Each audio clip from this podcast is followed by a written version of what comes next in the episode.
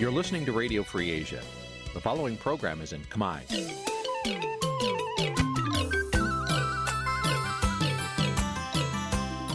នេះជាកម្មវិធីផ្សាយ Vuthu Azizi Serai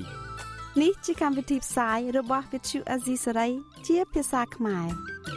Vuthu Azizi Serai សូមស្វាគមន៍លោកអ្នកនាងទាំងអស់ពីរដ្ឋធានី Washington នៃសហរដ្ឋអាមេរិកបាទពីរដ្ឋធានី Washington សហរដ្ឋអាមេរិក ខ្ញុំបាទយ៉ងច័ន្ទដារាសូមជម្រាបសួរលោកអ្នកនាងអ្នកស្ដាប់ Vuthu Azizi Serai ទាំងអស់ជាទីមេត្រី យើងខ្ញុំសូមជូនកម្មវិធីផ្សាយសម្រាប់ព្រឹកថ្ងៃសុក្រមួយកើតខែស្រាប ឆ្នាំខាលចត្វាស័កពុទ្ធសករាជ2566ដែលត្រូវនឹងថ្ងៃទី29ខែកក្កដាគ្រិស្តសករាជ2022បាទជាដំបូងនេះសូមអញ្ជើញអស់លោកអ្នកនាងស្ដាប់ព័ត៌មានប្រចាំថ្ងៃដែលមានមេតិការដូចតទៅ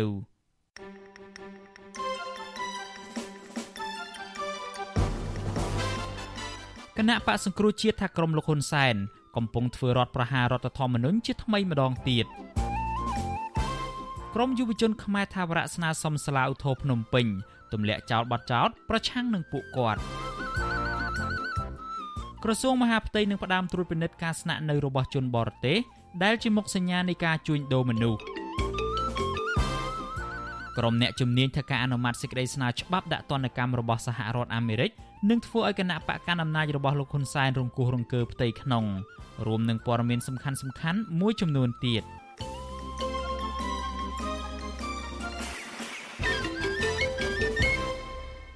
បាទជាបន្តទៅទៀតនេះខ្ញុំបាទយ៉ងច័ន្ទដារាសូមជូនព័ត៌មានទាំងនេះពិស្ដា គណៈបកសង្គ្រោះជាតិហៅការអនុម័តសេចក្តីព្រាងច្បាប់រដ្ឋធម្មនុញ្ញរបស់សភាឯកបកនៅពេលនេះថាជាការធ្វើរដ្ឋប្រហាររដ្ឋធម្មនុញ្ញដើម្បីបំពេញមហិច្ឆតាអំណាចឲ្យលោកហ៊ុនសែនរដ្ឋសភាឯកបកដែលគ្រប់គ្រងដោយគណៈបកប្រជាជនកម្ពុជា កាលពីថ្ងៃទី28ខែកក្កដាម្សិលមិញបានអនុម័តសេចក្តីព្រាងច្បាប់កែប្រែរដ្ឋធម្មនុញ្ញដោយសម្លេង105លើ106ទាំងមិនអើពើសំណើរបស់អង្គការសង្គមស៊ីវិលនិងគណៈបកក្រៅរដ្ឋាភិបាល បាទលោកសេកបណ្ឌិតរាយការណ៍ព័ត៌មាននេះគណៈបកសង្គ្រោះជាតិទូលថ្វាយទៅព្រះមហាក្សត្រប្រាប់បានរតដំសហមុនីសូមទ្រង់កំឡាយប្រហោះលេខាលើសេចក្តីព្រៀងច្បាប់ធម្មនុញ្ញដែលសភាឯកបកបានអនុម័តព្រោះការកែច្បាប់នេះជាខែលដើម្បីការពីអំណាចគ្រួសារលោកហ៊ុនសែនដែលធ្វើឲ្យប៉ះពាល់ធ្ងន់ធ្ងរដល់ឯកភាពជាតិនិងនិរន្តរភាពជាតិ សេចក្តីថ្លែងការណ៍របស់គណៈបកសង្គ្រោះជាតិចុះថ្ងៃទី28ខែកក្កដាក៏ស្នើដល់ពលរដ្ឋឲ្យរួមគ្នាការពារនិងទប់ស្កាត់កុំឲ្យលោកហ៊ុនសែននិងបកពួកបន្តរំលោភបំពាននិងធ្វើរដ្ឋប្រហាររដ្ឋធម្មនុញ្ញព្រោះអាចនាំឲ្យកម្ពុជារលំរលាយនៅថ្ងៃខាងមុខមន្ត្រីជាន់ខ្ពស់គណៈបកសង្គ្រោះជាតិលោកអ៊ុំសំអានរំពឹងថាព្រះមហាក្សត្រនឹងបន្លាយប្រហោះលេខាលើសេចក្តីព្រៀងច្បាប់ធម្មនុញ្ញនេះទេលោកយល់ថា ប្រសិនបើព្រះមហាក្សត្រគ្មានជំរឿសព្រះអង្គអាចយាងចេញពីកម្ពុជាដោយទុកប្រមុខរដ្ឋស្ដីទី ជាអ្នកទទួលខុសត្រូវលើរឿងនេះអតីតតំណាងរាស្ត្ររូបនេះថាលោកមិនទទួលស្គាល់ការអនុម័តសេចក្តីព្រៀងច្បាប់ធម្មនុញ្ញពេលនេះទេព្រោះនេះជាការផ្គប់ចិត្តលោកហ៊ុនសែនដើម្បីកាន់អំណាចតវងត្រកូលប៉ុណ្ណោះទូយ៉ាងណាលោកថា នៅពេលណាគណៈបកសង្គ្រោះជាតិមានសម្លេងភៀកច្រើនក្នុងសភា ពេលនោះនឹងស្នើលុបចោលសេចក្តីព្រៀងច្បាប់ធម្មនុញ្ញនេះវិញ។ព្រះអង្គលោកនឹងស្វែងយល់ការធ្វើពិសោធនកម្មរដ្ឋធម្មនុញ្ញនេះលោកនឹងបញ្ចុះហត្ថលេខាដោយដែលបេដារបស់លោកគឺសម្ដេចនរោត្តមសីហនុមិនព្រមចុះហត្ថលេខាទៅលើធម្មនុញ្ញបន្ថែមដែលបោះឆ្នោតជាកញ្ចប់កាលឆ្នាំ2003ឥឡូវផុតទៅនេះផងដែរមករដ្ឋសភានៅព្រឹកថ្ងៃទី28ខែកក្កដាបានបើកកិច្ចប្រជុំពេញអង្គ ដើម្បីពិភាក្សានិងអនុម័តលើរបៀបវរៈមួយចំនួន ក្នុងនោះមានសេចក្តីព្រៀងច្បាប់ធម្មនុញ្ញចំនួន6មាត្រា និងច្បាប់ធម្មនុញ្ញបន្ថែមចំនួន2មាត្រា ដែលមាត្រាទាំងនេះចែងជាសំខាន់អំពីការតែងតាំងតួនាទីនាយករដ្ឋមន្ត្រី ការបន្ថយអំណាចសមាជិកសភា និងការបង្កើនសិទ្ធិអំណាចរបស់គណៈបកដែលមានអាសនៈច្រើននៅក្នុងរដ្ឋសភាទោះបីជាការធ្វើវិសោធនកម្មលើកទី10នេះស្ថិតនៅក្រោមការរិះគន់ជាបន្តបន្ទាប់ក្តី ប៉ុន្តែតំណាងរាស្ត្ររបស់គណៈបកប្រជាជនកម្ពុជាទាំងអស់នាំគ្នាលើកដៃអនុម័តដោយពុំមានមតិជំទាស់ឡើយទោះយ៉ាងណារដ្ឋមន្ត្រីក្រសួងយុទ្ធភ័ពលោកកើតរិទ្ធបានយកកិច្ចប្រជុំសភាវាយប្រហារទៅលើគណៈបកនយោបាយក្រៅរដ្ឋាភិបាលអង្គការសង្គមស៊ីវិលនិងអ្នកវិភាគដែលរិះគន់ការកែធម្មនុញ្ញនេះថា អ្នកទាំងនោះរិះគន់ទាំងទទឹងទឹះដោយមិនបានពិនិត្យផ្លូវច្បាប់គ្រប់ជ្រុងជ្រោយនិងថាការរិះគន់នេះ ដើម្បីបំរាមហិច្ចតានយោបាយរបស់ពួកគេថ្លែងនៅក្នុងពេលឡើងការពីច្បាប់ លោកកើតរិទ្ធអះអាងថា ចាប់ពីពេលនេះតទៅនឹងគ្មានភាពជាប់គាំងនយោបាយក្រោយការបោះឆ្នោតទៀតទេលោកអះអាងទៀតថាសេចក្តីព្រៀងច្បាប់ធម្មនុញ្ញនេះនៅតែផ្ដល់ទូរនទីដល់រដ្ឋសភាធ្វើជាស្ថាប័នបង្កើតរដ្ឋាភិបាលដដែលព្រោះសភានៅតែមានទូរនទីបោះឆ្នោតផ្ដល់សេចក្តីទុកចិត្តសម្រាប់ការបង្កើតរដ្ឋាភិបាលថ្មី រដ្ឋមន្ត្រីក្រសួងយុទ្ធភ័ពរូបនេះបានវិបកទៅគណៈបកក្រៅរដ្ឋាភិបាលចំនួន4ដែលបានដាក់ញត្តិទៅរដ្ឋសភា ប្រឆាំងការអនុម័តលើសេចក្តីព្រាងច្បាប់ធម្មនុញ្ញនេះថាគណៈបកទាំងនោះតែងតែចង់បានឲ្យមានការជាប់គាំងនយោបាយដើម្បីតថ្លៃនយោបាយសម្រាប់ជាប្រយោជន៍គណៈបករបស់ខ្លួនគេតែងរិះរោបគ្រប់វិធីគ្រប់បែបយ៉ាង ដែលមានចែងក្នុងរដ្ឋធម្មនុញ្ញឬឆ្លៀតឱកាសពីភាពចន្លោះប្រហោងក្នុងរដ្ឋធម្មនុញ្ញដើម្បីបង្កជាឧបសគ្គធ្វើឲ្យស្ថាប័នជាតិជាប់គាំងឬបង្កជាការរំខាននានាដល់កិច្ចដំណើរការនៃស្ថាប័នជាតិសម្ដៅតថ្លៃខាងនយោបាយសម្រាប់ផលប្រយោជន៍របស់គណៈបកខ្លួនតែដូច្នេះការប្រកាសរបស់គណៈបកទាំង4ដែលថាមិនគ្រប់គ្រងការធ្វើវិសោធនកម្មលើកទី10នៃរដ្ឋធម្មនុញ្ញគ្រាន់តែដើម្បីចង់ការពារនៅផលប្រយោជន៍ខាងនយោបាយរបស់ខ្លួនជាយថាហេតុនាពេលខាងមុខនេះតែប៉ុណ្ណោះ តាក់ទងការចោទប្រកាន់នេះវិទ្យុអាស៊ីសេរីនៅពុំទាន់អាចសុំការឆ្លើយតបពីតំណាងគណៈបកទាំង4រួមមានតំណាងគណៈបកភ្លើងទៀនគណៈបកកែតម្រង់កម្ពុជាគណៈបកឆន្ទៈខ្មែរនិងគណៈបកប្រជាធិបតេយ្យមូលដ្ឋានបានទេ នៅថ្ងៃទី28ខែកក្កដាទោះយ៉ាងណាក្រុមអង្គការសង្គមស៊ីវិលរិះគន់ថារដ្ឋសភាអនុម័តលើសេចក្តីព្រៀងធម្មនុញ្ញលើកទី10 ដែលមានសេចក្តីស្នើវិសោធនកម្មចំនួន6មាត្រានៃរដ្ឋធម្មនុញ្ញនិង2មាត្រានៃធម្មនុញ្ញបន្ថែមនេះនឹងធ្វើឲ្យប៉ះពាល់ដល់ប្រព័ន្ធប្រជាធិបតេយ្យសេរីពហុបកប៉ះពាល់ដល់ស្មារតីឯកភាពជាតិនិងមិនបានឆ្លុះបញ្ចាំងពីឆន្ទៈពលរដ្ឋនោះទេប្រធានអង្គការសម្ព័ន្ធភាពការពារសិទ្ធិមនុស្សកម្ពុជាហៅកាត់ថាច្រាក់លោករស់សុថាលើកឡើងថាលោកខកចិត្តដែលរដ្ឋសភាអនុម័តលើសេចក្តីព្រាងច្បាប់ធម្មនុញ្ញនាពេលនេះព្រោះច្បាប់នេះ មានចរិតបំរើប្រយោជន៍បកច្រើនជាងបំរើផលប្រយោជន៍ជាតិចំពោះការចោទប្រកាន់របស់រដ្ឋមន្ត្រីក្រសួងយុទ្ធភ័ពលើក្រមអង្គការសង្គមស៊ីវិលដែលមិនគាំទ្រការកែច្បាប់នេះវិញលោកថាអង្គការសង្គមស៊ីវិលមានសិទ្ធិគ្រប់គ្រាន់ក្នុងការបញ្ចេញសម្លេងរបស់ខ្លួនដោយឈលលើច្បាប់ជាតិនិងច្បាប់អន្តរជាតិអំណាចច្បាប់តែមានសវនកម្មប៉ុន្តែបើបើសវនកម្មនោះវាមានលក្ខណៈគេហៅថាឯកបៈអញ្ចឹងវាវាមិនចុះបញ្ចាំងអំពី គេថាច្បាប់ជាតិមួយដែលមានការគ្រប់គ្រងអញ្ចឹងណាអញ្ចឹងបើគាត់ចង់ឲ្យមានការគ្រប់គ្រងច្រើនគឺថាធ្វើម៉េចរងចាំឲ្យបបត្តិនយោបាយនឹងត្រូវបានដោះស្រាយឲ្យមានការចូលរួមពីបកផ្សេងផ្សេងបើមិនចឹងទេច្បាប់នឹងគឺផ្លាយទៅច្បាប់ដែលមានគេហៅថាលក្ខណៈមួយហើយកបៈនឹងចំណែកសមាជិកសភាអាស៊ាន ដើម្បីសិទ្ធិមនុស្សឬហៅកាត់ថា APHR កាលពីថ្ងៃទី27ខែកក្កដាបានចេញសេចក្តីថ្លែងការណ៍រិះគន់ថា ការកែច្បាប់រដ្ឋធម្មនុញ្ញនៅពេលនេះ គឺជាការសម្លាប់លទ្ធិប្រជាធិបតេយ្យដើម្បីពង្រឹងអំណាចបកពួកលោកហ៊ុនសែននិងជាការបើកត្រួសត្រាយផ្លូវឲ្យលោកហ៊ុនម៉ាណែត មានភាពងាយស្រួលក្នុងការឡើងអង្គុយកៅអីនាយករដ្ឋមន្ត្រីជំនួសឪពុកខ្ញុំបាទសេកបណ្ឌិតវិទ្យុអាស៊ីសេរីពីរដ្ឋធានីវ៉ាស៊ីនតោនបាទលោកអ្នកនាងជាទីមេត្រីតកតងទៅនឹងការអនុម័តវិសោធនកម្មលើកទី10នៃរដ្ឋធម្មនុញ្ញនេះក្រុមអ្នកតាមដានការវិវត្តស្ថានភាពនយោបាយយល់ឃើញថា ការកែប្រែរដ្ឋធម្មនុញ្ញនៅពេលនេះមានចំណុចបំពេញទៅលើស្មារតីនៃប្រជាធិបតេយ្យសេរីពហុបកនិងធ្វើឲ្យរបបសភានិយមចុះទុនខ្សោយតើវិសោធនកម្មរដ្ឋធម្មនុញ្ញនៅពេលនេះធ្វើឲ្យរដ្ឋសភាចុះខ្សោយអំណាចរបស់ខ្លួនបែបណាខ្លះបាទសូមលោកអ្នកនាង រងចាំស្ដាប់សេចក្តីរាយការណ៍នេះពឹស្ដានៅក្នុងការផ្សាយរបស់យើងនាពេលបន្តិចទៀតនេះ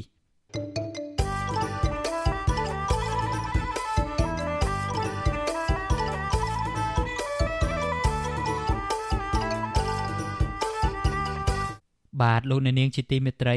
តកតងទៅនឹងការអនុម័តច្បាប់នេះដែររដ្ឋសភាគណៈបកប្រជាជនកម្ពុជា កាលពីថ្ងៃទី28ខែកក្កដាម្សិលមិញក៏បានអនុម័តយល់ព្រមលើកិច្ចព្រមព្រៀងរវាងកម្ពុជា និងតំបន់រដ្ឋបាលពិសេសម៉ាកាវនៃប្រទេសចិន ស្ដីពីការលុបបំបាត់ការយកពន្ធត្រួតគ្នាពាក់ព័ន្ធទៅនឹងពន្ធលើប្រាក់ចំណូលនិងការបង្ការការកិច្ចវេះពន្ធនិងជៀសវាងពន្ធនៅក្នុងគោលដៅតាក់ទាញសម្រួលការវិនិយោគនិងពាណិជ្ជកម្មអន្តរជាតិផងដែរ។ ជាមួយគ្នានោះរដ្ឋសភាឯកបៈក៏បានអនុម័តយល់ព្រមលើកិច្ចព្រមព្រៀងដូចគ្នានេះមួយទៀតរវាងកម្ពុជានិងប្រទេសទូគីដោយសម្លេងសរុប91សម្លេងរដ្ឋមន្ត្រីក្រសួងសេដ្ឋកិច្ចនិងហិរញ្ញវត្ថុលោកអូនពាន់មេនីរតថ្លែងនៅក្នុងរដ្ឋសភាថាកិច្ចព្រមព្រៀងទាំងនេះនឹងផ្ដល់នូវអត្ថប្រយោជន៍ជាច្រើនដូចជាការតាក់ទាញនិងជំរុញវិនិយោគនិងពាណិជ្ជកម្មអន្តរជាតិដោយសារការផ្ដល់នូវភាពច្បាស់លាស់ដំណាភាពនិងគ្មានការរើសអើងនៅក្នុងវិស័យពន្ធដារ កំណើនមូលដ្ឋានពន្ធលំហូរមូលធន ការការពារវិនិយោគិននៅបរទេសនិងការពង្រឹងកិច្ចសហប្រតិបត្តិការអន្តរជាតិនៅក្នុងវិស័យពន្ធដារជាពិសេសទប់ស្កាត់និងបង្ក្រាបការកិច្ចពន្ធតាមរយៈការផ្លាស់ប្តូរព័ត៌មានរបស់អ្នកជាប់ពន្ធគិតមកដល់ពេលនេះកម្ពុជាបានចុះហត្ថលេខាលើកិច្ចព្រមព្រៀងប្រភេទនេះបានចំនួន11ហើយបើរាប់ទាំងកិច្ចព្រមព្រៀងជាមួយតំបន់រដ្ឋបាលពិសេសម៉ាកាវនិងប្រទេសទូគីនេះកាលពីថ្ងៃទី28កក្កដាម្សិលមិញនោះ រដ្ឋសភាក៏បានអនុម័តសេចក្តីព្រាងច្បាប់ស្តីពីការអនុម័តយល់ព្រមឲ្យកម្ពុជាចូលជាភាគីនៃអនុសញ្ញាស្តីពីជំនួយនៅក្នុងករណីមានគ្រោះមហន្តរាយនុយក្លេអ៊ែ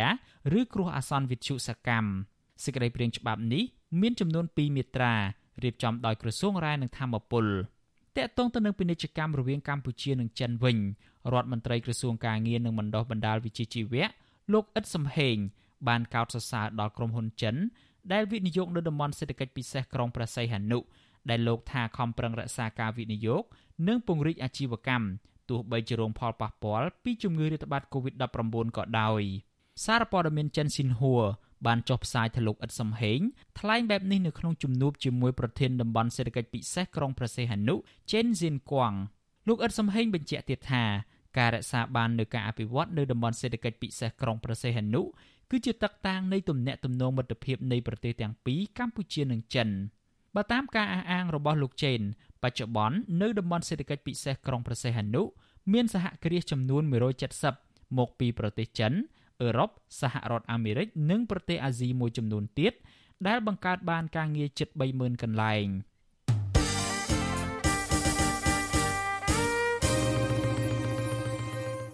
បាទលោកអ្នកនាងជាទីមេត្រី យើងងាកទៅរឿងបកពួកនិយមនៅក្នុងជួររដ្ឋាភិបាលលោកហ៊ុនសែនវិញក្រមមន្ត្រីអង្គការសង្គមស៊ីវិលរិះគន់ការតែងតាំងកូនប្រុសរបស់ឧត្តមសេនីយ៍បាតដៃកខ្វក់លោកគុណគឹមគឺលោកគឹមរិទ្ធីជាអភិបាលខេត្តព្រះវិហារពួកគាត់បារម្ភថាការបន្តតែងតាំងកូនចៅមន្ត្រីកម្ពូលកម្ពូលឲ្យកាន់តំណែងសំខាន់សំខាន់នេះធ្វើឲ្យប៉ះពាល់ដល់ប្រសិទ្ធភាពការងារនិងអំពើពុករលួយបកពួកនិយមជាប្រព័ន្ធ បាទសូមលោកនាងស្ដាប់សេចក្តីរាយការណ៍របស់លោកសនចាន់រដ្ឋាអំពីរឿងនេះដូចតទៅកូនចៅរបស់មន្ត្រីកម្ពូលកម្ពូលរបស់គណៈបកកណ្ដាលអំណាចនៅតែបន្តឡើងកាន់តំណែងធំធំងាយងាយក្នុងស្ថាប័នរដ្ឋដែលធ្វើមន្ត្រីសង្គមស៊ីវិលបារម្ភអំពីបញ្ហាគ្រួសារនិយមហើយមានទំនាស់ផលប្រយោជន៍ក្នុងស្ថាប័នរដ្ឋជាក់ស្ដែងករណីអតីតអភិបាលរងខេត្តកណ្ដាលនិងបច្ចុប្បន្នជាអគ្គនាយករងនៃអគ្គនាយកដ្ឋានរដ្ឋបាលក្រសួងមហាផ្ទៃលោកគឹមរទ្ធីត្រូវបានរដ្ឋាភិបាលលហ៊ុនសែន តែងតាំងជាអភិបាលខេត្តព្រះវិហារចំនួនលោកប្រាក់សវណ្ណដែលបានជូនវត្តកាលពីថ្ងៃទី27កក្កដាឆ្នាំ2022លោកគឹមរទ្ធីគឺជាកូនប្រុសនៃឧត្តមសេនីយ៍គុណគឹមដែលជាទេសរដ្ឋមន្ត្រីទទួលបន្ទុកបេសកកម្មពិសេសនិងបានជាប់ក្នុងបញ្ជីអ្នករងតនកម្មពីអាមេរិកពាក់ព័ន្ធទៅនឹងការប្រព្រឹត្តអំពើពុករលួយនិងការរំលោភសិទ្ធិមនុស្សធ្ងន់ធ្ងរនៅកម្ពុជាប្រធានមជ្ឈមណ្ឌលប្រជាប្រដ្ឋដើម្បីអភិវឌ្ឍនិងសន្តិភាពលោកយងកំឯងប្រាប់វិទ្យុអេស៊ីសេរីថ្ងៃទី28កក្កដា ថាចលនានៃការតែងតាំងខ្សែស្រឡាយកូនក្មួយរបស់មន្ត្រីជាន់ខ្ពស់ឲ្យកាន់តួនាទីសំខាន់សំខាន់ការឡើងនេះរឹតតែពង្រឹងប្រព័ន្ធខ្សែស្រឡាយបពពួកកាន់តែខ្លាំងនៅក្នុងស្ថាប័នរដ្ឋលោកបន្តថាក្តីបារម្ភមួយអំពីការតែងតាំងខ្សែស្រឡាយបពពួកនិយមនេះគឺអាចមានបញ្ហាមួយចំនួនដែលធ្វើឲ្យប្រព័ន្ធរដ្ឋបាលរបស់រដ្ឋគ្មានភាពរឹងមាំ។ ជាបញ្ហាទៅវិញបើសិនជាការតែងតាំងនឹងវាគ្មានភាពយុត្តិធម៌ឬខ្វះតម្លាភាពបាទហើយដែលអាចធ្វើឲ្យកូនពជារាជធម្មតានឹងគ្នាបាត់បង់ឱកាសហើយក៏មិនអាចនឹងមានឱកាសឆោងចាប់យកមុខតំណែងសំខាន់ៗក្នុងការជួយអភិវឌ្ឍប្រទេសជាតិឲ្យមានភាពរុងរឿងរីកចម្រើននឹងបាទកាលណាថាខ្វះតម្លាភាពខ្វះយុត្តិធម៌ក្នុងការតែងតាំងគឺវាអាចធ្វើឲ្យប្រព័ន្ធរដ្ឋបាលអាចនឹងមិនមានប្រសិទ្ធភាពទេបាទ ជុំវិញរឿងនេះមន្ត្រីសមាគមការពារសិទ្ធិមនុស្សអាត់ហុកប្រចាំខេត្តព្រះវិហារលោកឡាវច័ន្ទលើកឡើងថាមតិមួយចំនួនយល់ថាការតែងតាំងនេះដោយសារលោកគឹមរិទ្ធីគឺជាកូនប្រុសរបស់ទេសរដ្ឋមន្ត្រីគុណគឹមលោកឡាវច័ន្ទសង្ឃឹមថាលោកគឹមរិទ្ធីវ័យនៅក្មេងមានកម្លាំងហើយអាចជួយដោះស្រាយទុលំបាករបស់ប្រជាពលរដ្ឋពិសេសបញ្ហាដីធ្លីរ៉ាំរ៉ៃក្នុងខេត្តព្រះវិហារប៉ុន្តែលោកឡាវច័ន្ទក៏សម្គាល់ថាកន្លងមកអភិបាលខេត្តឡើងថ្មីភិជាច្រើនយកស្នាដៃតែដំបងប៉ុន្តែក្រោយមកហាក់គ្មានការយកចិត្តទុកដាក់ ចំពោះបរិសុទ្ធនោះទេជាយើងឃើញថា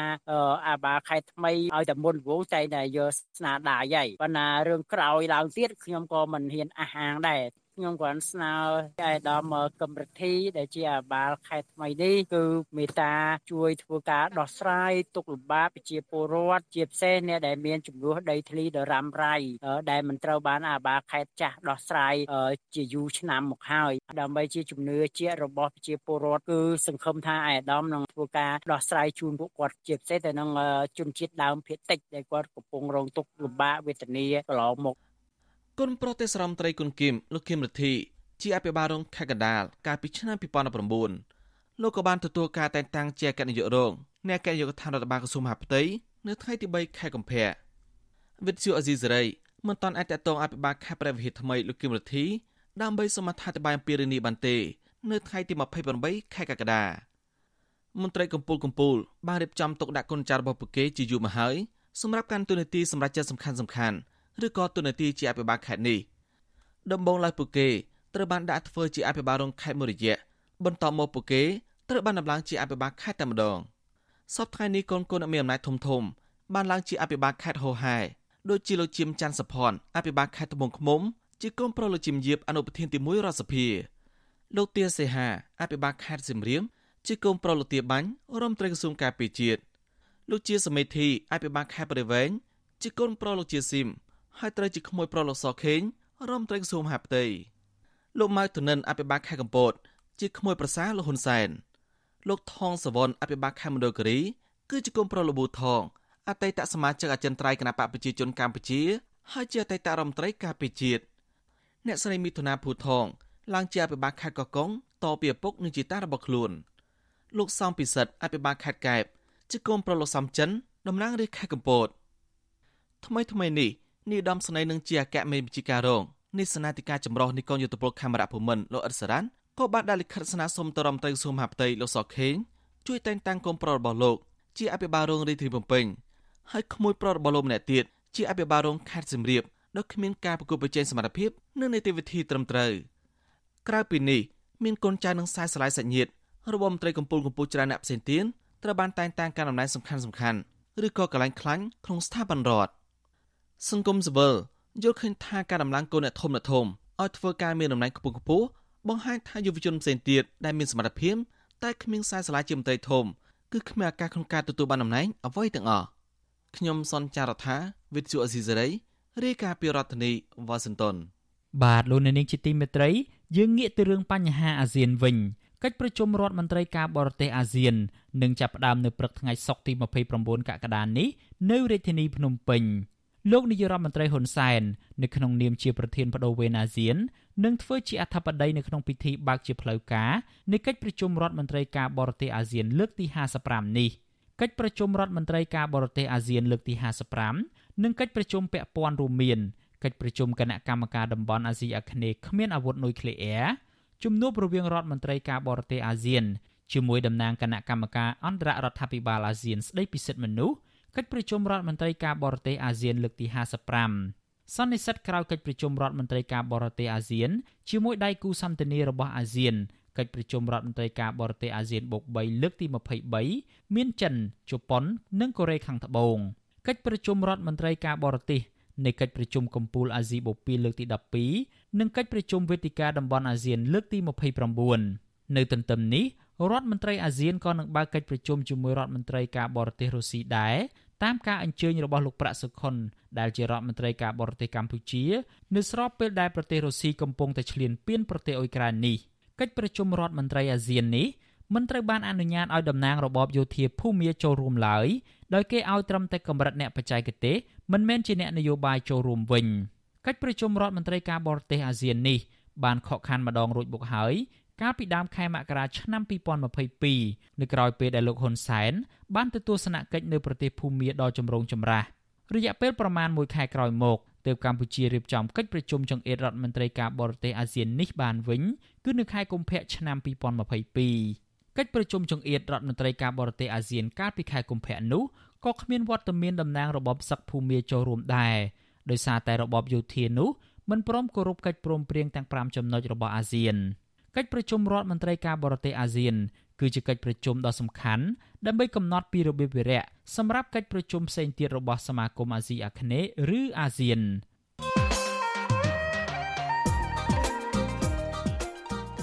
លោកអ្នកនាងជាទីមេត្រីក្រុមអ្នកតាមដានកិច្ចការអន្តរជាតិអះអាងថា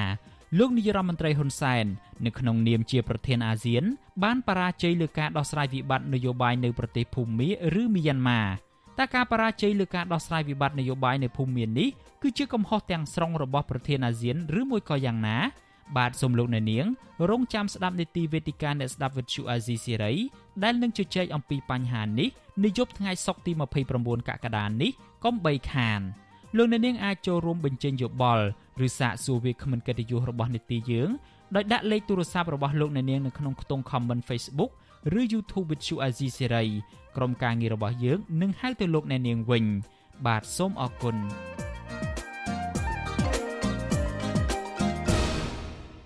លោកអ្នកនាងជាទីមេត្រីលោកអ្នកនាងកំពុងស្ដាប់ការផ្សាយរបស់ Vuthu Azizi Serai ពីរដ្ឋធានី Washington សហរដ្ឋអាមេរិកតកតងទៅនឹងរឿងក្តីក្តាំនៅតុលាការឯណោះវិញសាលាឧទ្ធរភ្នំពេញ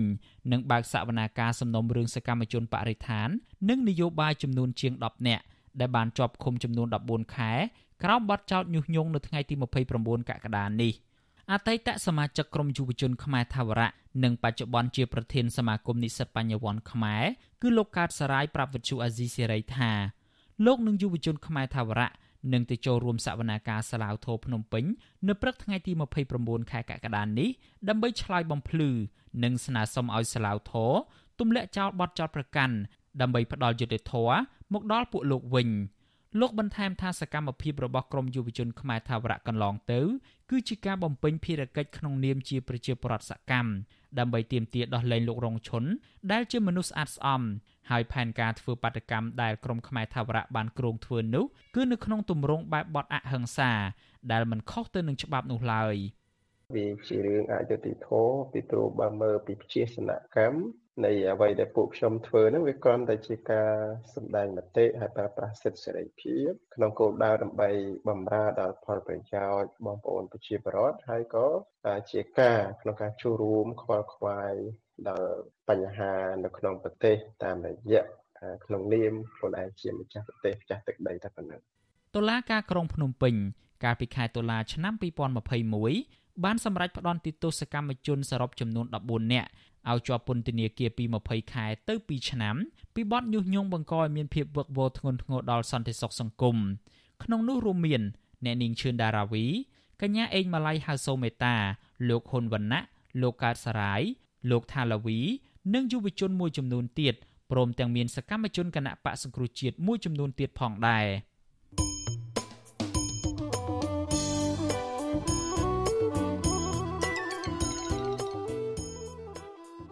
លោកអ្នកនាងជាទីមេត្រីដំណើរគ្នានឹងស្ដាប់ការផ្សាយវិទ្យុអាស៊ីសេរីតាមបណ្ដាញសង្គម Facebook និង YouTube លោកអ្នកនាងក៏អាចស្ដាប់កម្មវិធីផ្សាយរបស់វិទ្យុអាស៊ីសេរីតាមរលក ធាតុអាកាសខ្លីឬ Shortwave តាមកម្រិតនិងកម្ពស់ដូចតទៅនេះពេលព្រឹកចាប់ពីម៉ោង5កន្លះដល់ម៉ោង6កន្លះតាមរយៈរលក ធាតុអាកាសខ្លី12140 kHz ស្មើនឹងកម្ពស់ 25m និង13715 kHz ស្មើនឹងកម្ពស់ 22m ពេលយប់ចាប់ពីម៉ោង7កន្លះដល់ម៉ោង8កន្លះតាមរយៈរលកធាតុអាកាសខ្លី9960 kHz ស្មើនឹងកម្ពស់ 30m 12140 kHz ស្មើនឹងកម្ពស់ 25m និង11885 kHz ស្មើនឹងកម្ពស់ 25m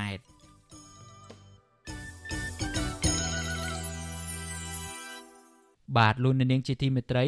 តកតងទៅនឹងបញ្ហាជួញដូរមនុស្សឯណោះវិញ ក្រសួងមហាផ្ទៃគ្រោងធ្វើការត្រួតពិនិត្យកន្លែងស្នាក់នៅរបស់ជនបរទេសទាំងអស់នៅកម្ពុជា លើកលែងតែមន្ត្រីការទូតចេញ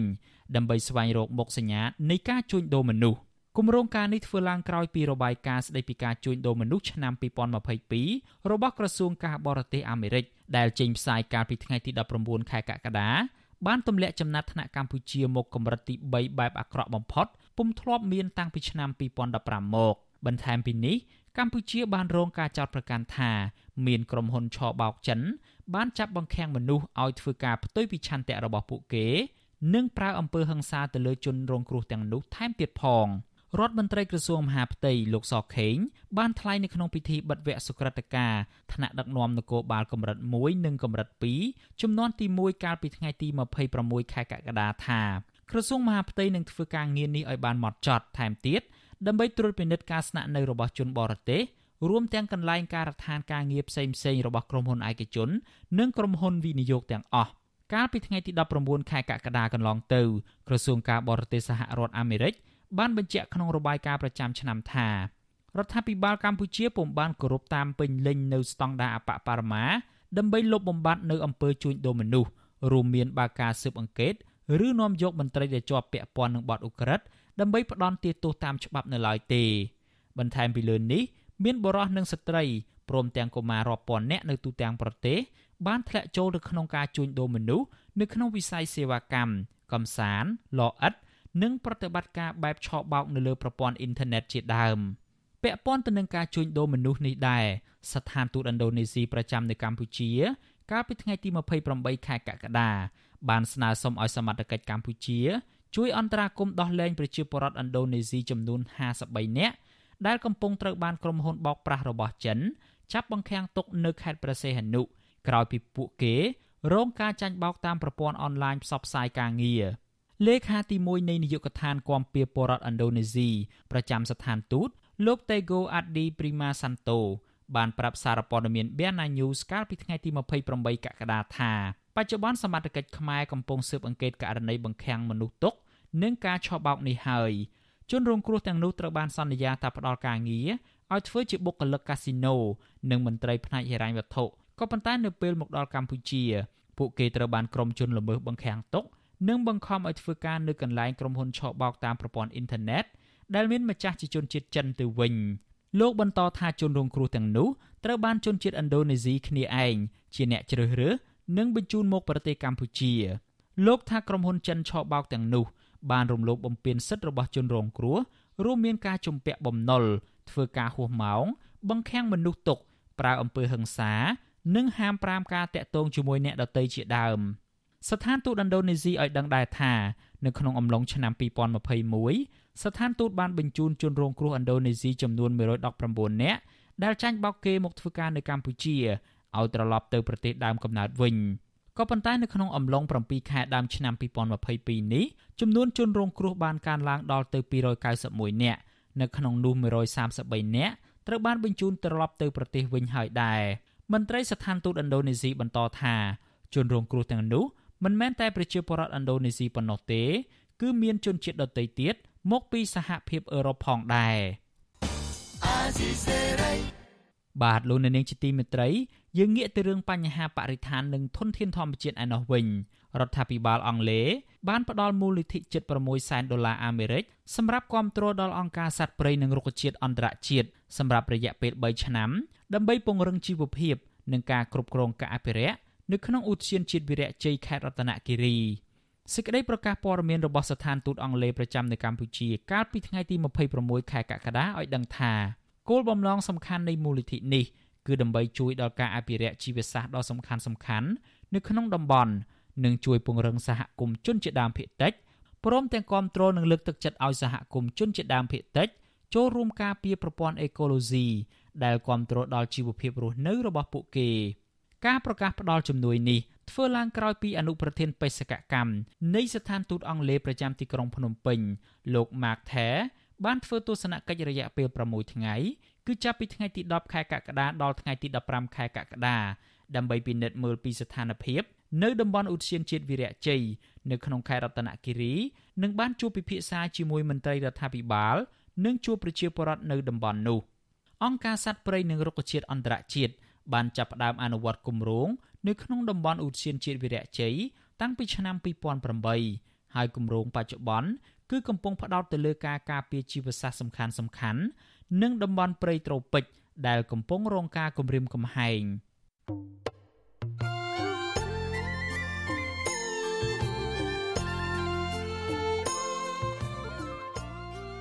លោកអ្នកនាងជាទីមេត្រី នៅក្នុងឱកាសនេះដែរ ខ្ញុំបាទសូមថ្លែងអំណរគុណដល់លោកអ្នកនាងកញ្ញាទាំងអស់ដែលតែងតែមានភក្ដីភាពចំពោះការផ្សាយរបស់យើងហើយចាត់ទុកការស្ដាប់វិទ្យុអាស៊ីសេរីជាផ្នែកមួយនៃសកម្មភាពប្រចាំថ្ងៃរបស់លោកអ្នកនាងគឺការគ្រប់គ្រងរបស់លោកអ្នកនាងនេះហើយដែលធ្វើឲ្យយើងខ្ញុំមានទឹកចិត្តកាន់តែខ្លាំងថែមទៀតនៅក្នុងការស្វែងរកនិងផ្តល់ព័ត៌មានជូនលោកអ្នកនាងមានអ្នកស្ដាប់អ្នកទស្សនាកាន់តែច្រើនកាន់តែធ្វើឲ្យយើងខ្ញុំមានភាពស្វាហាប់មោះមុតជាបន្តទៅទៀតយើងខ្ញុំសូមអរគុណទុកជាមុន ហើយសូមអញ្ជើញលោកអ្នកនាងកញ្ញាចូលរួមជំរុញឲ្យសកម្មភាពផ្តល់ព័ត៌មានរបស់យើងនេះឲ្យកាន់តែជោគជ័យបន្ថែមទៀតលោកអ្នកនាងអាចជួយយើងខ្ញុំបានដោយគ្រាន់តែចុចចែករំលែកឬ Share ការផ្សាយរបស់យើងនៅលើបណ្ដាញសង្គម Facebook និង YouTube ទៅកាន់មិត្តភ័ក្តិដើម្បីឲ្យការផ្សាយរបស់យើងបានទៅដល់មនុស្សកាន់តែច្រើន បាទសូមអរគុណ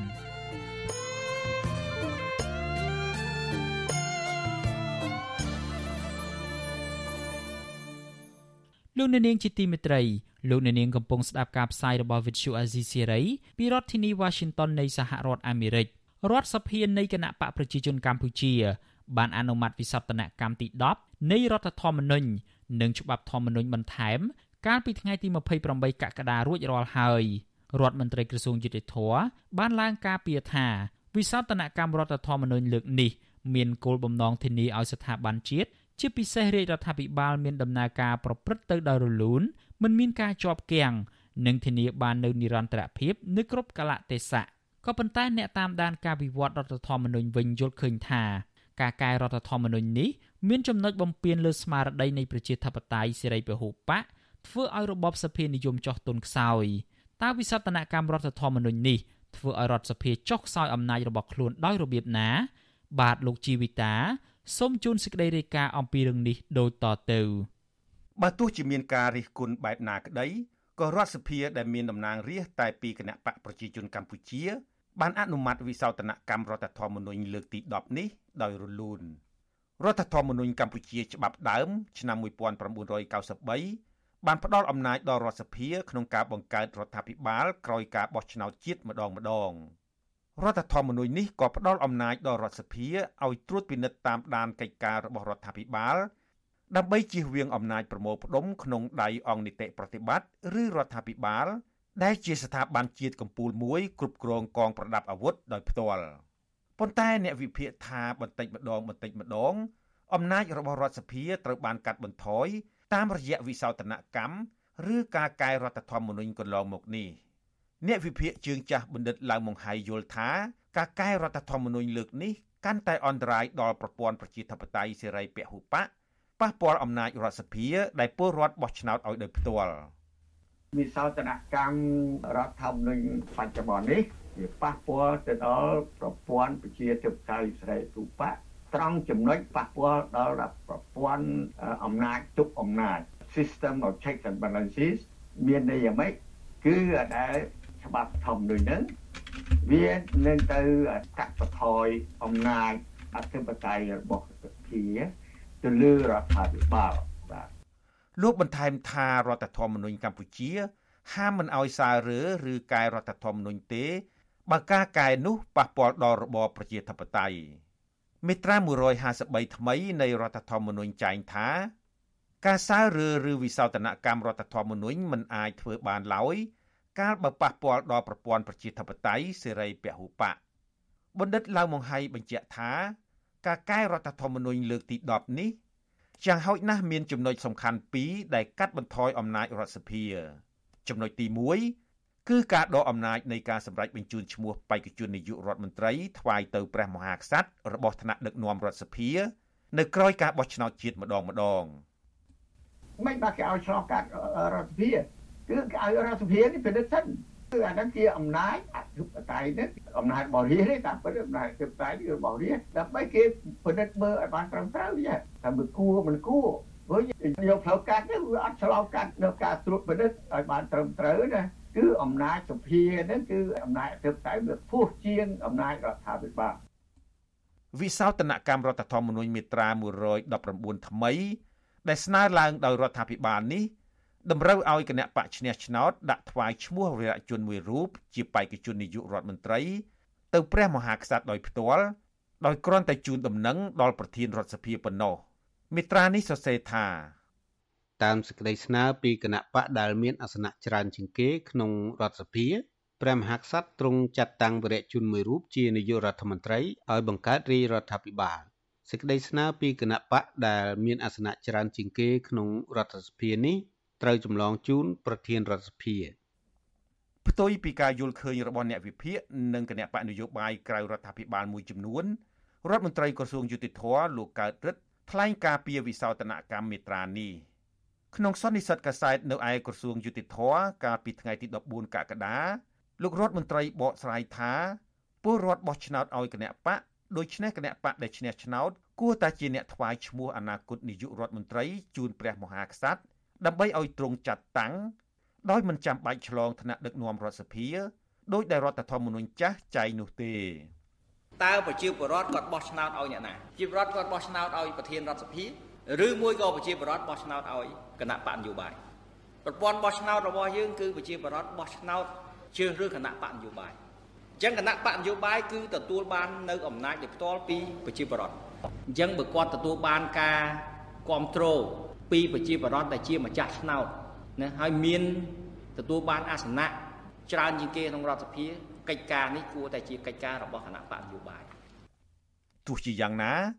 បណ្ឌិតឡាវម៉ុងហៃនៅតែយល់ថា វិសោធនកម្មមេត្រា119ថ្មីនេះគឺជាការឆក់អំណាចពីរដ្ឋសភាទៅឲ្យរដ្ឋាភិបាលលោកយល់ថា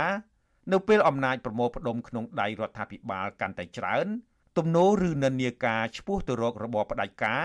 ក៏កាន់តែមានច្រើនដែរសង្កត់ខាងទៅលើ system of checks and balances អំណាចទុកអំណាចដូចចេះកាន់តែបថយអំណាចសភាបកកើអំណាចរដ្ឋាភិបាលលើឃើញចាស់ស្រែកដូចជាវិសោធនកម្ម44ដូចថាដែលចាប់ពីច្បាប់ធម្មនុញ្ញបន្ថែមហ្នឹងមកណាច្បាប់ធម្មនុញ្ញបន្ថែមដែលបណ្ឌិតឡាវម៉ុងហៃយោងទៅនេះគឺច្បាប់ធម្មនុញ្ញបន្ថែមឆ្នាំ2004 ដែលតម្រូវឲ្យរដ្ឋសភាផ្លាស់ប្តូរពីការបោះឆ្នោតបង្កើតរដ្ឋសភាមុនទើបបោះឆ្នោតបង្កើតរដ្ឋាភិបាលជាក្រោយ ទៅជាការបោះឆ្នោតបង្កើតរដ្ឋសភា និងបង្កើតរដ្ឋាភិបាលក្នុងពេលតែមួយឬហៅថាការបោះឆ្នោតជាកញ្ចប់ច្បាប់ធម្មនុញ្ញបន្ថែមលើកទី1ដ៏ជំរងចម្រាស់ឆ្នាំ2004នោះធ្វើឡើងក្រោមបរិយាកាសនយោបាយអាប់អួរពលគឺការជាប់គាំងនយោបាយក្រោយការបោះឆ្នោតឆ្នាំ2003ពេលនោះ ទាំងព្រះបរមរតនកោដ្ឋសម្ដេចព្រះនរោត្តមសីហនុព្រះប្រមុខរដ្ឋទាំងលោកជាស៊ីមប្រមុខរដ្ឋស្ដីទីមិនព្រមឡាយព្រះហស្ថលេខានិងចុះហត្ថលេខាលើសេចក្តីព្រាងច្បាប់ធម្មនុញ្ញបន្ថែមនោះទេដើម្បីបង្ហាញការមិនពេញប្រតិយលើច្បាប់ធម្មនុញ្ញបន្ថែមនោះព្រះបរមរតនកោដ្ឋសម្ដេចព្រះនរោត្តមសីហនុបានយាងចេញពីកម្ពុជានៅព្រឹកថ្ងៃទី13កក្កដាឆ្នាំ2004ទៅគង់នៅប្រទេសកូរ៉េខាងជើង ប៉ុន្តែមួយថ្ងៃមុនពេលយាងចេញព្រះអង្គបានសរសេរចុតម៉ាយមួយច្បាប់ផ្ញើជូនលោកជាស៊ីមដោយមានប្រេកបន្ទូលថាសេចក្តីព្រៀងច្បាប់ធម្មនុញ្ញបន្ថែមដែលនឹងនាំឲ្យមានការបោះឆ្នោតជាកញ្ចប់នោះគឺជាបញ្ហានាំទៅរកភាពប្រេះស្រាំនៃជាតិរបស់យើងព្រះអង្គថាព្រះអង្គមិនអាចទទួលខុសត្រូវចំពោះកិច្ចការដ៏ធ្ងន់នេះបានទេក្នុងលិខិតដែលបង្ហោះលើគេហទំព័ររបស់ព្រះអង្គ សម្ដេចព្រះនរោត្តមសីហនុក៏បានមានប្រេកបន្ទូលទៅកាន់លោកជាស៊ីមប្រមុខរដ្ឋស្ដីទីថាសូមឲ្យលោកប្រើមនសិការរបស់លោកទៅចុះក្នុងការសម្រេចចិត្តថាតើត្រូវចុះហត្ថលេខាឬមិនចុះហត្ថលេខាលើសេចក្តីព្រាងច្បាប់ធម្មនុញ្ញបន្ថែមនេះលោកជាស៊ីមដែលពេលនោះជាប្រធានព្រឹទ្ធសភានិងជាប្រធានគណៈបកប្រជាជនកម្ពុជាផងនោះក៏មិនយល់ព្រមចុះហត្ថលេខាលើសេចក្តីព្រាងច្បាប់ធម្មនុញ្ញបន្ថែមនោះដែរទង្វើនេះ បានធ្វើឲ្យលោកនាយករដ្ឋមន្ត្រីហ៊ុនសែនមិនសប្បាយចិត្តសោះឡើយបន្ទាប់មក ក្នុងថ្ងៃទី13កក្កដាដដែលនោះគេឃើញលោកហុកឡុងឌីអគ្គស្នងការនគរបាលជាតិបានដឹកនាំកម្លាំងប្រដាប់អាវុធមួយក្រុមទៅផ្ទះលោកជាស៊ីមបង្ខំឲ្យលោកជាស៊ីមទៅដេកឈឺនៅប្រទេសថៃមួយរយៈសិនដើម្បីបើកឱកាសឲ្យមានប្រមុខរដ្ឋស្ដីទីថ្មី ក្រោយលោកជាស៊ីមចាក់ចេញភ្លាមអនុប្រធានទី2នៃប្រសិទ្ធិលោកញឹកប៊ុនឆៃ ក៏ឡើងជាប្រមុខរដ្ឋស្ដីទីផ្លែតដែរហើយចុះហត្ថលេខាលើច្បាប់ធម្មនុញ្ញបន្ថែមនោះផ្លាប់តែម្ដង។ទាំងអស់នេះកើតឡើងយ៉ាងឆាប់រហ័សនៅក្នុងថ្ងៃទី13កក្កដាឆ្នាំ2004ច្បាប់ធម្មនុញ្ញបន្ថែមនោះ បានបញ្ចប់ទូនីតិមេត្រា82ដើមនៃរដ្ឋធម្មនុញ្ញដែលចែងអំពីការបង្កើតរចនាសម្ព័ន្ធរដ្ឋសភា មុនបង្កើតគណៈរដ្ឋមន្ត្រីអ្នកវិភាគមើលឃើញថា ការបង្ខំបង្កើតច្បាប់ធម្មនុញ្ញបន្ថែមនៅពេលនោះគឺដោយសារនាយករដ្ឋមន្ត្រីចាំផ្ទះលោកហ៊ុនសែនដែលជាអនុប្រធានគណៈបកប្រជាជនកម្ពុជាផងនោះលោកមិនទុកចិត្តសម្ដេចក្រមព្រះនរោត្តមរណរដ្ឋប្រធានគណៈបកហ៊ុនស៊ិនពេជ្រនិងជាប្រធានរដ្ឋសភាហើយក៏មិនទុកចិត្តលោកជាស៊ីមដែរថានឹងបោះឆ្នោតឲ្យលោកធ្វើជានាយករដ្ឋមន្ត្រីបន្តទៀតត្រឡប់មកមើលវិសោធនកម្មរដ្ឋធម្មនុញ្ញលើកទី10 ដែលរដ្ឋសភាទើបបានអនុម័តនៅថ្ងៃទី28កក្កដាឆ្នាំ2022នេះវិញបណ្ឌិតឡាវម៉ុងហៃថាចំណុចសំខាន់ទី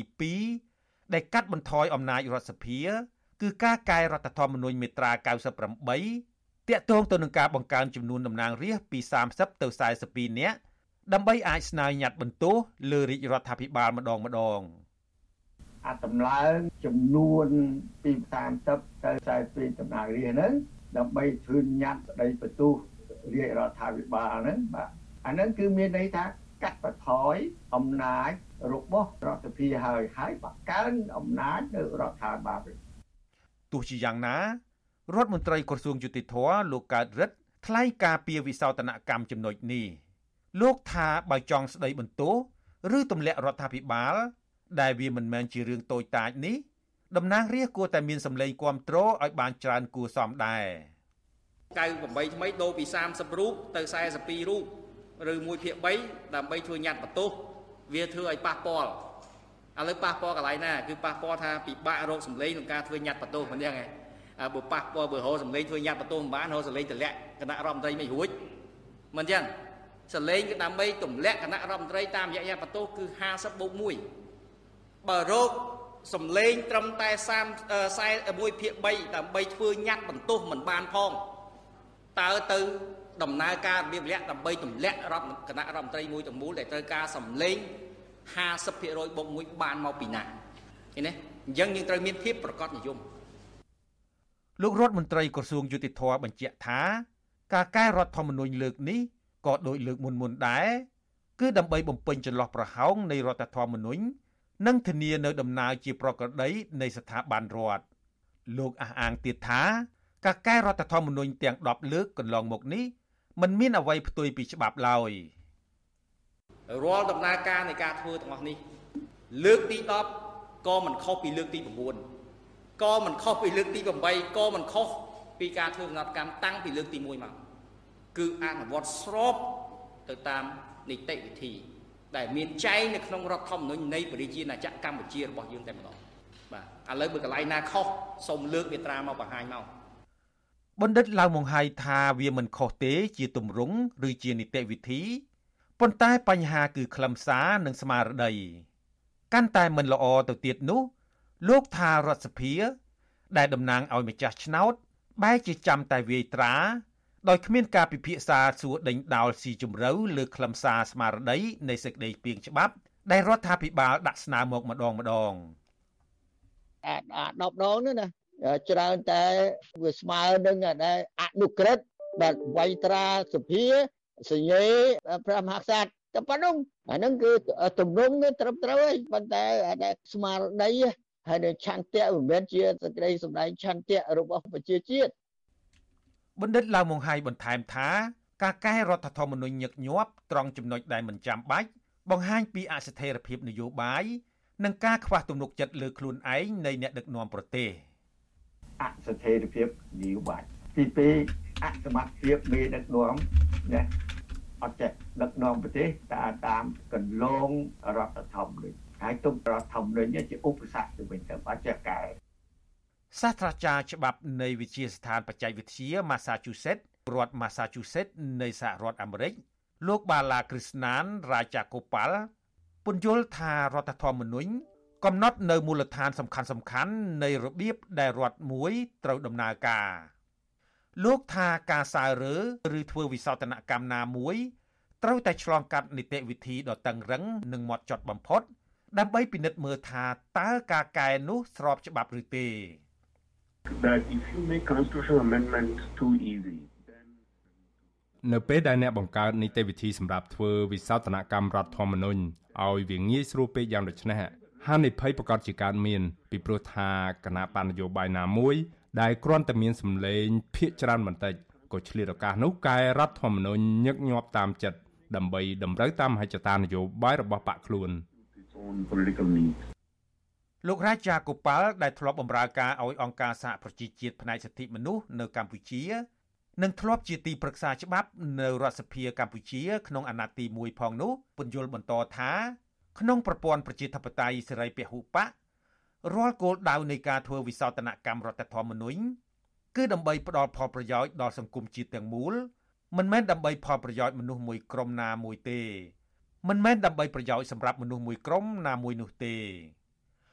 លោកថាបើទោះជាការកែរដ្ឋធម្មនុញ្ញអាចធ្វើទៅបានក៏ពិតមែន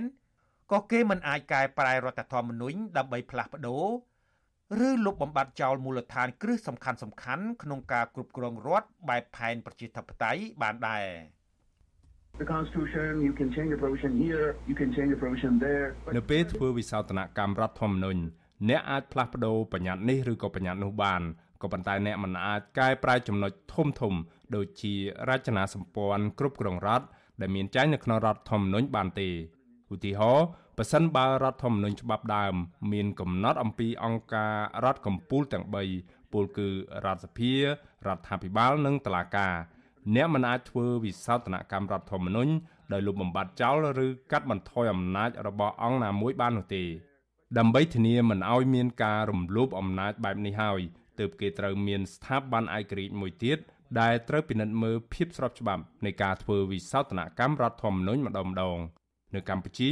មានក្រុមប្រឹក្សារដ្ឋធម្មនុញ្ញដែលជាអ្នកពិនិត្យមើលធម្មនុញ្ញភាពនៃច្បាប់នីមួយៗក៏ប៉ុន្តែពួកគេបោះបង់ចោលការទទួលខុសត្រូវរបស់ខ្លួនពលគឺក្រុមប្រឹក្សារដ្ឋធម្មនុញ្ញនៅកម្ពុជា មិនឯករាជ្យនោះទេវិសោធនកម្មរដ្ឋធម្មនុញ្ញលើកទី10ដែលអ្នកវិភាគនិងគណៈបកនយោបាយក្រៅរដ្ឋាភិបាលមួយចំនួន យល់ថាធ្វើឡើងដើម្បីកាត់បន្ថយអំណាចរដ្ឋសភានេះនឹងត្រូវឆ្លងព្រឹទ្ធសភាមុននឹងដាក់ថ្វាយជូនព្រះមហាក្សត្រឡាយព្រះហស្ថលេខាប្រកាសឲ្យប្រើខ្ញុំជីវិតាអាស៊ីសេរី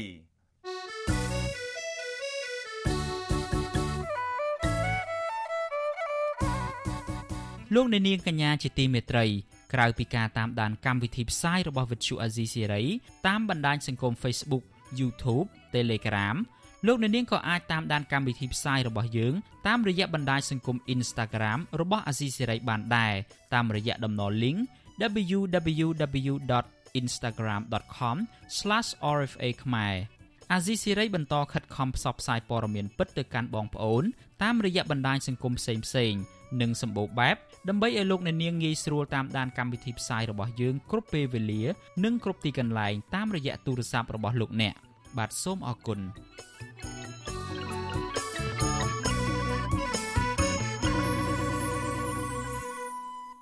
បាទលោកអ្នកនាងជាទីមេត្រីតកតងទៅនឹងការរៀបចំច្បាប់នៅសហរដ្ឋអាមេរិកដែលមានផលប៉ះពាល់ទៅលើប្រទេសកម្ពុជាវិញក្រុមអ្នកជំនាញវិតម្លៃថាការអនុម័តសេចក្តីស្នើច្បាប់ដាក់ទណ្ឌកម្មជាក់លាក់របស់សហរដ្ឋអាមេរិកមកលើមន្ត្រីជាន់ខ្ពស់កម្ពុជានឹងធ្វើឲ្យផ្ទៃក្នុងរបស់គណៈបកកណ្ដាលអំណាចរង្គោះរង្គើ ហើយអាចរារាំងដល់ផែនការផ្ទៃអំណាចនាយករដ្ឋមន្ត្រីតវងត្រកូលរបស់លោកហ៊ុនសែនទៅឲ្យកូនប្រុសច្បងគឺលោកហ៊ុនម៉ាណែតការវិតម្លៃបែបនេះកើតមានឡើងនៅស្របពេលដែលក្រុមសមាជិកព្រឹទ្ធសភារបស់អាមេរិកកំពុងពន្លឿនការអនុម័តសេចក្តីស្នើច្បាប់ដើម្បីដាក់ទណ្ឌកម្មជាក់លាក់មកលើមន្ត្រីជាន់ខ្ពស់កម្ពុជាដោយសារតែពួកគេ មានពាក់ព័ន្ធទៅនឹងអំពើរំលាយប្រជាធិបតេយ្យរំលោភសិទ្ធិមនុស្សនិងអំពើពុករលួយធ្ងន់ធ្ងរនៅកម្ពុជា បាទលោកមានរិទ្ធ សូមជូនសេចក្តីរាយការណ៍នេះពឹស្ដាដូចតទៅក្រុមអ្នកជំនាញកិច្ចការអន្តរជាតិបង្ហាញសោតិធិនិយមរួមគ្នាថាសេចក្តីស្នើច្បាប់ដាក់ទណ្ឌកម្មជាក់លាក់របស់អាមេរិកមកលើមន្ត្រីជាន់ខ្ពស់កម្ពុជាអាចនឹងត្រូវអនុម័តរួចឆ្លងផុតដល់ដៃប្រធានាធិបតីអាមេរិកចុះហត្ថលេខាคล้ายជាច្បាប់ផ្លូវការនៅមុនការបោះឆ្នោតជាតិនៅកម្ពុជាខែកក្កដាឆ្នាំ2023ខាងមុខនេះ សេចក្តីស្នើច្បាប់នេះមានឈ្មោះជាផ្លូវការថាច្បាប់ស្តីពីប្រជាធិបតេយ្យនិងសិទ្ធិមនុស្សកម្ពុជាឆ្នាំ2022ឬ S3052 ដែលបច្ចុប្បន្នឆ្លងផុតគណៈកម្មាធិការទំនាក់ទំនងបរទេសដ៏មានឥទ្ធិពលរបស់ស្ថាប័នព្រឹទ្ធសភាអាមេរិកនិងកំពុងបញ្ជូនបន្តមកឲ្យព្រឹទ្ធសភាពេញអង្គអនុម័តអ្នកសិក្សាស្រាវជ្រាវនៃវិទ្យាស្ថានខ្មែរសម្រាប់សហប្រតិបត្តិការនិងសន្តិភាព លោកវ៉ាន់បូណាយល់ថាប៉ះសិនបើសេចក្តីស្នើច្បាប់ដាក់ទណ្ឌកម្មនេះចេញរួចនោះច្បាប់នេះអាចនឹងធ្វើឲ្យផ្ទៃក្នុងរបស់បកកណ្ដាលអំណាចប្រឆាហើយនឹងប៉ះពាល់ដល់ផែនការផ្ទេរអំណាចរបស់លោកនាយរដ្ឋមន្ត្រីហ៊ុនសែនទៅឲ្យកូនប្រុសច្បងរបស់លោក បើសិនជាច្បាប់នឹងអាចចេញរួចវាពេញរៀងច្រើនវាអាចប៉ះពាល់ទៅដល់ផ្ទៃក្នុងរបស់គណៈបកប្រជាជនដែរបើសិនជាច្បាប់នឹងដាក់ទណ្ឌកម្មលើបុគ្គលជាពិសេសមន្ត្រីចូលពុករបស់គណៈបកប្រជាជននឹងខ្លាំងវាធ្វើឲ្យប៉ះពាល់ហើយការណាប៉ះពាល់មន្ត្រីនៅក្នុងគណៈបកប្រជាជនប្រហែលជាមិនសប្បាយចិត្តទៅលើការដឹកនាំរបស់នាយករដ្ឋមន្ត្រីបច្ចុប្បន្នហើយនៅពេលដែលមានការផ្ទេរអំណាចវាជាហេតុមួយដែរនៃច្បាប់នឹងវាធ្វើឲ្យប៉ះពាល់ទៅដល់ការបង្កទ្រព្យសម្បត្តិឬក៏ការបិទចិត្តកម្មអញ្ចឹងទេវាជាតិចរីកច្រើនវាជាជាសញ្ញាស៊ូមួយដែរក្នុងផលប៉ះពាល់ទៅដល់ការផ្ទេរអំណាចជាពិសេសបើសិនជាមានអវត្តមានលោកនាយករដ្ឋមន្ត្រីហ៊ុនសែននេះវាអាចអនាគតទៅវាធ្វើឲ្យមានការប្រឆាំងកាន់ខ្លាំងក្នុងទីក្នុងគណៈបកប្រជាជនរបស់ការវាតម្លៃពីឥទ្ធិពលនៃសេចក្តីស្នើច្បាប់ដាក់ទណ្ឌកម្មរបស់អាមេរិកមកលើបកកណ្ដាលអំណាចនិងផែនការផ្ទេរអំណាចរបស់លោកហ៊ុនសែននេះក៏ត្រូវបានអ្នកជំនាញកិច្ចការបរទេសមួយរូបទៀតចែករំលែកនៅទស្សនៈស្រដៀងគ្នានេះដែរ ព្រឹទ្ធបរិះជាន់ខ្ពស់នៃសាកលវិទ្យាល័យ Arizona State University បណ្ឌិតអៀសផលប្រាវិសុយស៊ីស្រីតាមសារអេឡិចត្រូនិកថាលោកគិតថាវាអាចទៅរួចដែរប្រធានាធិបតីអាមេរិកលោក Joe Biden នឹងចុះហត្ថលេខាប្រកាសឲ្យប្រើប្រាស់ច្បាប់នេះជាផ្លូវការនៅមុនថ្ងៃទី8ខែវិច្ឆិកានៅពេលដែលមានការបោះឆ្នោតពាក់កណ្ដាលអាណត្តិនៅសហរដ្ឋអាមេរិកលោកបញ្យល់ថាច្បាស់ណាស់ថាស្ថាប័នព្រឹទ្ធសភារបស់សហរដ្ឋអាមេរិក គិតគូរកាន់តែខ្លាំងអំពីការដាក់ទណ្ឌកម្មមកលើរបបក្រុងភ្នំពេញពីព្រោះស្ថាប័នកម្ពុជារបស់អាមេរិកនេះលែងមានការអត់ធ្មត់ទៀតហើយហើយឆ្នាំនេះនឹងក្លាយជាឆ្នាំដែលច្បាប់ដាក់ទណ្ឌកម្មនេះចេញរួចដែលមានការគ្រប់គ្រងពីគណៈបកទាំងពីរនៅក្នុងស្ថាប័នព្រឹទ្ធសភានិងរដ្ឋសភារបស់អាមេរិកគឺគណៈបកប្រជាធិបតេយ្យនិងគណៈបកសាធារណរដ្ឋ បណ្ឌិតអៀសផលវាតម្លៃថាប្រសិនបើសេចក្តីស្នើច្បាប់នេះចេញរួចនោះច្បាប់នេះនឹងផ្លាស់ប្ដូរនៅក្តីរំពឹងនានាអំពីការបន្តជីវិតរបស់របបដឹកនាំបច្ចុប្បន្ននៅកម្ពុជានិងការបន្តអំណាចក្រោយការបោះឆ្នោតជាតិឆ្នាំ2023ខាងមុខនេះវិសុយស៊ីស្រីមិនអាចតាក់ទងแนะនាំពាក្យគណៈបកប្រជាជនកម្ពុជា លោកសុកអេសានដើម្បីសុំប្រតិកម្មតបជុំវិញការវាតម្លៃរបស់ក្រុមអ្នកជំនាញទាំងនេះបាននៅឡើយទេក៏ត្រឹមថ្ងៃទី27ខែកក្កដាក៏ប៉ុន្តែកន្លងទៅភ្លាមភ្លាមក្រោយគណៈកម្មាធិការទំនាក់ទំនងបរទេសនៃស្ថាប័នព្រឹទ្ធសភាអាមេរិកបានសម្រេចបញ្ជូនសេចក្តីស្នើច្បាប់នេះទៅឲ្យព្រឹទ្ធសភាពេញអង្គរបស់អាមេរិកអនុម័តបន្តនោះស្ថាប័នព្រឹទ្ធសភាឯកបៈរបស់កម្ពុជា បានសម្ដែងការខកចិត្តយ៉ាងខ្លាំងដោយចោទថាការអនុម័តរបស់គណៈកម្មាធិការទំនាក់ទំនងបរទេសនៃព្រឹទ្ធសភារបស់អាមេរិកនេះថាគឺជាការជ្រៀតជ្រែកចូលកិច្ចការផ្ទៃក្នុងរបស់កម្ពុជា ដែលជារដ្ឋអធិបតេយ្យនឹងធ្វើឲ្យរាំងស្ទះដល់ការថែរក្សាសន្តិភាព ស្ថិរភាពនយោបាយនិងការអភិវឌ្ឍសេដ្ឋកិច្ចសង្គមនៅកម្ពុជា ទូយ៉ាងណាក្រុមអ្នកជំនាញមួយចំនួនមិនយល់ស្របតាមការចោទប្រកាន់របស់ស្ថាប័នព្រឹទ្ធសភាឯកបៈនៅកម្ពុជានេះទេពួកគេថាប៉ះសិនបើគ្មានការរំលាយលទ្ធិប្រជាធិបតេយ្យនិងការរំលោភសិទ្ធិមនុស្សនៅកម្ពុជានោះទេនោះសាររដ្ឋអាមេរិកក៏ទំនងជាមិនងាយនឹងធ្វើច្បាប់ដាក់ទណ្ឌកម្មជាក់លាក់មកលើមន្ត្រីកម្ពុជាដូចនេះដែរក្រៅពីនេះបញ្ហាដែលកម្ពុជា បង្ហាញជំហរមិនច្បាស់លាស់ ជុំវិញការរក្សាអព្យាក្រឹតនៅក្នុងគោលនយោបាយការបរទេសជាពិសេសការលំអៀងទៅរកប្រទេសចិនកុម្មុយនីសខ្លាំងក៏បានរួមចំណែកជំរុញឲ្យស្ថាប័នស្នើច្បាប់របស់អាមេរិកគិតគូរពន្លឿនអំពីដំណើរការនៃការអនុម័តសេចក្តីស្នើច្បាប់ដាក់ទណ្ឌកម្មនេះឲ្យកាន់តែឆាប់អ្នកជំនាញវិជាសាស្ត្រនយោបាយនិងកិច្ចការអន្តរជាតិលោកអែមសវណ្ណារាមើលឃើញថាការដែលកម្ពុជាខ្លួនឯង បង្កឲ្យមានការសង្ស័យអំពីវត្តមានរបស់កងទ័ពចិននៅមូលដ្ឋានកងទ័ពជើងទឹករៀមនិងគោលនយោបាយការបរទេសមិនច្បាស់លាស់របស់កម្ពុជា កំពុងក្លាយជាចំណែកដ៏សំខាន់មួយជំរុញឲ្យក្រុមអ្នកធ្វើច្បាប់អាមេរិក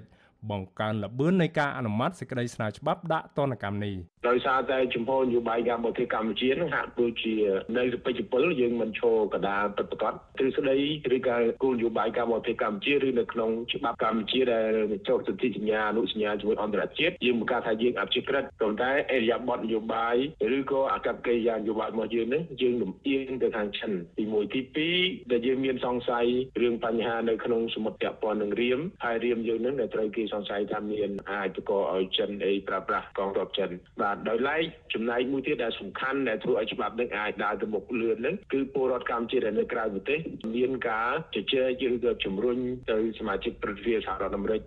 ខ្លឹមសារកំណែចុងក្រោយនៃសេចក្តីស្នើច្បាប់ដាក់ទណ្ឌកម្មនេះដែលត្រូវបានគណៈកម្មាធិការទំនាក់ទំនងបរទេសនៃព្រឹទ្ធសភាអាមេរិកដាក់បញ្ជូនទៅព្រឹទ្ធសភាពេញអង្គអនុម័តនោះចែងថា ការដាក់ទណ្ឌកម្មនេះគឺសំដៅទៅលើមន្ត្រីកម្ពុជានាពេលបច្ចុប្បន្នឬនាពេលអតីតកាលនៅក្នុងជួររដ្ឋាភិបាលយោធាឬកងកម្លាំងសន្តិសុខឬបុគ្គលបរទេសទាំងឡាយណា ដែលប្រធានាធិបតីអាមេរិកកំណត់ថាមានពាក់ព័ន្ធទៅនឹងទង្វើចំនួន4នៅកម្ពុជាទង្វើទី1គឺការពាក់ព័ន្ធដោយផ្ទាល់និងជាចម្បងនៅក្នុងការរំលាយលទ្ធិប្រជាធិបតេយ្យទង្វើទី2គឺពាក់ព័ន្ធទៅនឹងការរំលោភសិទ្ធិមនុស្សធ្ងន់ធ្ងរ ទង្វើទី3គឺពាក់ព័ន្ធទៅនឹងអំពើពុករលួយធ្ងន់ធ្ងរដែលធ្វើឲ្យប៉ះពាល់ដល់លទ្ធិប្រជាធិបតេយ្យនៅកម្ពុជានិងទី4ការពាក់ព័ន្ធឬការផ្ដល់ការគ្រប់គ្រងដល់ការបង្កើតឲ្យមានការសាងសង់ឬបរិវេណនានាដែលអាចត្រូវបានប្រើប្រាស់ដោយកងទ័ពរំដោះប្រជាជនចិនឬ PLA ឬក្រុមហ៊ុនដែលមានចំណងតាក់ទងទៅនឹងកងទ័ពរំដោះប្រជាជនចិននៅកម្ពុជាក្រៅពីនេះសេចក្តីស្នើច្បាប់នេះក៏មានបន្ថែមនឹងការរកឃើញមួយចំនួនទៀត ដូចជាករណីរដ្ឋាភិបាល រំលោភសិទ្ធិការងាររបស់កម្មករនិយោជិតក្រុមហ៊ុន Casino NagaWorld ករណីដែលកម្ពុជារុះរើទីតាំងអគារមិត្តភាពវៀតណាម នៅក្នុងបរិវេណកំពង់ផែកងទ័ពជើងទឹករៀមដើម្បីបញ្ជាកុំឲ្យមានទំនាស់ជាមួយមន្ត្រីយោធាចិននៅទីនោះនិងករណីបើកការដ្ឋានសាងសង់ឲ្យចិនធ្វើទំនើបកម្មកំពង់ផែកងទ័ពជើងទឹករៀមដែលត្រូវបានរាយការណ៍ថា កងទ័ពរំដោះប្រជាជនចិនអាចប្រើប្រាស់ផ្ដាច់មុខទីតាំងភៀកខាងជើងនៃមូលដ្ឋានកងទ័ពជើងទឹករៀមខណៈវត្តមានរបស់ពួកគេ នៅតែត្រូវបានលាក់កំបាំងជាដើមសេចក្តីស្នើច្បាប់ដាក់ទណ្ឌកម្មដដែលនេះក៏មានបន្ថែមនៅកថាខណ្ឌមួយចំនួនទៀតដែលតម្រូវឲ្យកម្ពុជា បញ្ឈប់ជាបន្ទាន់នៅរាល់ការផ្ដាល់ការគ្រប់គ្រងណាមួយដល់របបផ្ដាច់ការដែលធ្វើឲ្យទុនខ្សោយដល់សកម្មជនប្រជាធិបតេយ្យនៅក្នុងតំបន់ជាពិសេស តាក់ទងជាមួយនឹងក្រមយោធាភូមាដែលបានដឹកនាំធ្វើរដ្ឋប្រហារដណ្ដើមអំណាចខុសច្បាប់ កាលពីខែកុម្ភៈឆ្នាំ2021ជាដើមអ្នកជំនាញកិច្ចការអន្តរជាតិបណ្ឌិតអៀសផលប្រមានថាសេចក្តីស្នើច្បាប់ដាក់ទណ្ឌកម្មនេះអាចនឹងធ្វើឲ្យកម្ពុជាធ្លាក់ចូលក្នុងទម្រង់ស្រដៀងគ្នានៃវិបត្តិនៅប្រទេសស្រីលង្កាដែរខណៈកម្ពុជា កំពុងរងនៅឥទ្ធិពលនៃការកើនឡើងខ្ពស់បំផុត នៃអតិផរណា ដែលមិនធ្លាប់មានពីមុនមកអ្នកជំនាញរូបនេះគូបញ្ជាក់ថារដ្ឋាភិបាលក្រុងភ្នំពេញរឹតតែធ្វើឲ្យទីក្រុង Washington មិនពេញចិត្តថែមទៀតក្រោយពីបានឈានទៅចាប់ពលរដ្ឋសញ្ជាតិអាមេរិកដើមកំណត់ខ្មែរដ៏មានឥទ្ធិពលម្នាក់គឺកញ្ញាសេងធីរី ដាក់គុករួចបញ្ជូនទៅឃុំខ្លួននៅពន្ធនាគារដាច់ស្រយាលជិតព្រំដែននៃប្រទេសឡាវលោកថាអ្វីដែលមិនទាន់កើតមាននៅកម្ពុជានៅពេលនេះ គឺការប្រហារជីវិតអ្នកទោសនយោបាយដោយដែលរបបសឹកភូមាបានធ្វើក៏ប៉ុន្តែលោកថាកម្ពុជានឹងមិនធ្វើដូច្នេះទេខណៈករណីនៃអំពើឃាតកម្មនយោបាយឬការវាយប្រហារដោយអាត់កំបាំងមកលើសកម្មជនគណៈបពប្រឆាំងនៅតាមទីសាធារណៈនៅតែបន្តកើតមានដោយគ្មានដំណោះស្រាយខ្ញុំបាទមេរិត Visual C ស្រីរាយការណ៍ពីរដ្ឋធានី Washington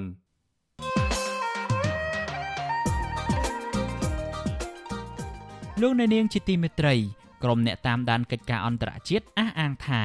លោកនាយរដ្ឋមន្ត្រីហ៊ុនសែននៅក្នុងនាមជាប្រធានអាស៊ាន បានបរាជ័យលើការដោះស្រាយវិបត្តិនយោបាយនៅប្រទេសភូមាឬមីយ៉ាន់ម៉ាតែការបរាជ័យលើការដោះស្រាយវិបត្តិនយោបាយនៅភូមានេះគឺជាកំហុសទាំងស្រុងរបស់ប្រធានអាស៊ានឬមួយក៏យ៉ាងណា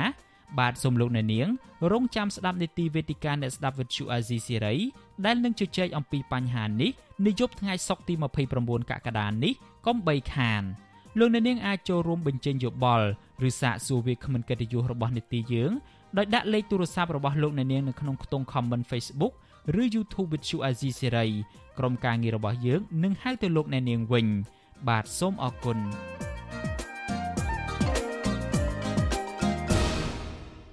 លោកអ្នកនាងជាទីមេត្រីការផ្សាយរយៈពេល1ម៉ោងរបស់វិទ្យុអាស៊ីសេរីនៅព្រឹកនេះចប់ត្រឹមតែប៉ុណ្ណេះ យើងខ្ញុំសូមជូនពរដល់លោកអ្នកនាងព្រមទាំងក្រុមគ្រួសារទាំងអស់ឲ្យជួបប្រកបតែនឹងសេចក្តីសុខចម្រើនរុងរឿងកុំបីឃ្លៀងឃ្លាតឡើយខ្ញុំបាទយ៉ងច័ន្ទដារាព្រមទាំងក្រុមការងារទាំងអស់នៃវិទ្យុអាស៊ីសេរីសូមអរគុណនិងសូមជម្រាបលា